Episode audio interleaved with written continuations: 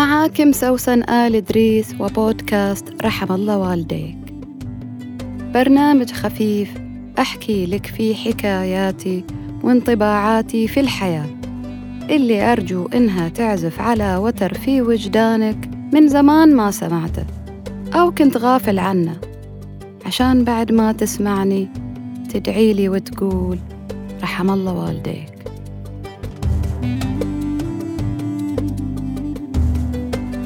شهر رمضان المعظم مرتبط عنا بعدة مناسبات ووقفات وتأملات تخلينا نوقف مع نفسنا ونعيد حساباتنا. أولها الصيام وتلاوة القرآن ومنها ناصفة رمضان حيث مولد كريم أهل البيت إمامي الحسن عليه السلام.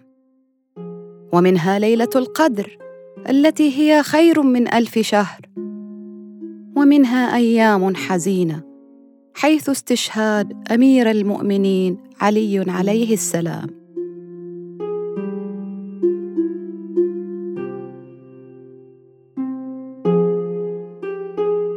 ودايما أنا أقول إنه التركيز على جانب واحد والتأمل فيه أفضل بكثير من المرور العام على مناسبات كلها عظيمة وقيمة وبما أن البودكاست في شهر رمضان أنا راح أختار علي أميري ونعم الأمير علي أميري ونعم الأمير نصير النبي وخير النصير أبو الحسن ليش طيب الإمام علي عليه السلام؟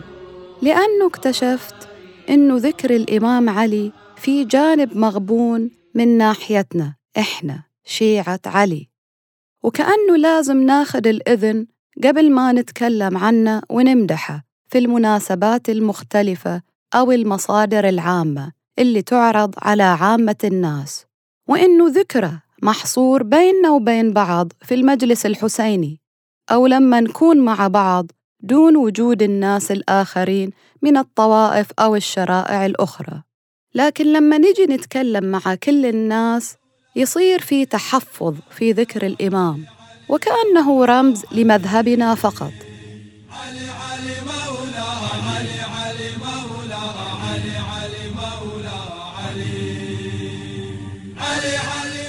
بينما الناس الآخرين بعيد عن الشيعة لهم حرية ذكر الإمام علي ومدحه. وإحنا ننبسط كأنه الشخص الغريب ذكر ولد عمنا أو ولد خالنا. نستانس إذا عرفنا إنه إعلامي مشهور ذكره مثل جورج قرداحي اللي قال الإمام علي ليس ملكا للشيعة الإمام علي ليس ملكا للإسلام الإمام علي قيمة إنسانية عالمية كبيرة.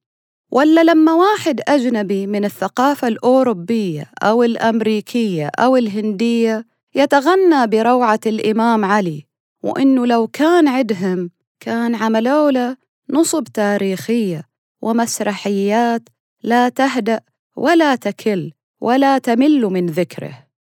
مثل ما قال هنري ستوب طبيب ومفكر بريطاني. ازدرى الإمام علي العالم المادي ومجده الخادع خشي الله وكان محسنا جوادا إلى الخير الأول والسابق إلى كل فعل إلهي وحكمه كان اجتماعيا ويملك إبداعا وذكاء حادا ولذا بدا غريبا على مجتمعه لأن الإبداع لم يكن شائعا.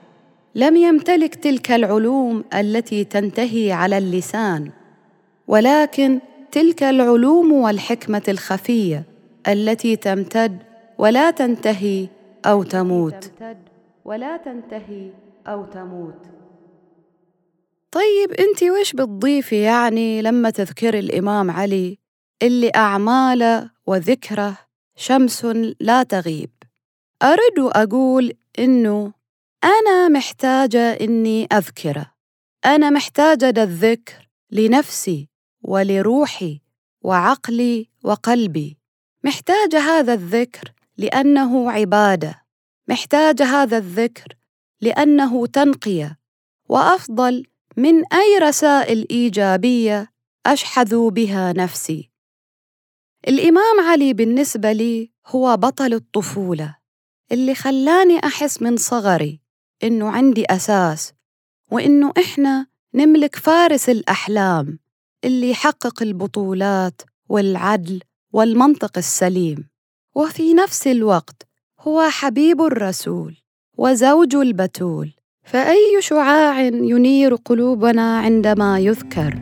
أي أمل يسطع في روحنا عندما نتيقن أنه نحن أتباعه؟ سلام الله على أبي الحسن. وأقول لكل من ذكر الإمام علي وافتخر بذكره في كل مكان وزمان رحم الله والديك.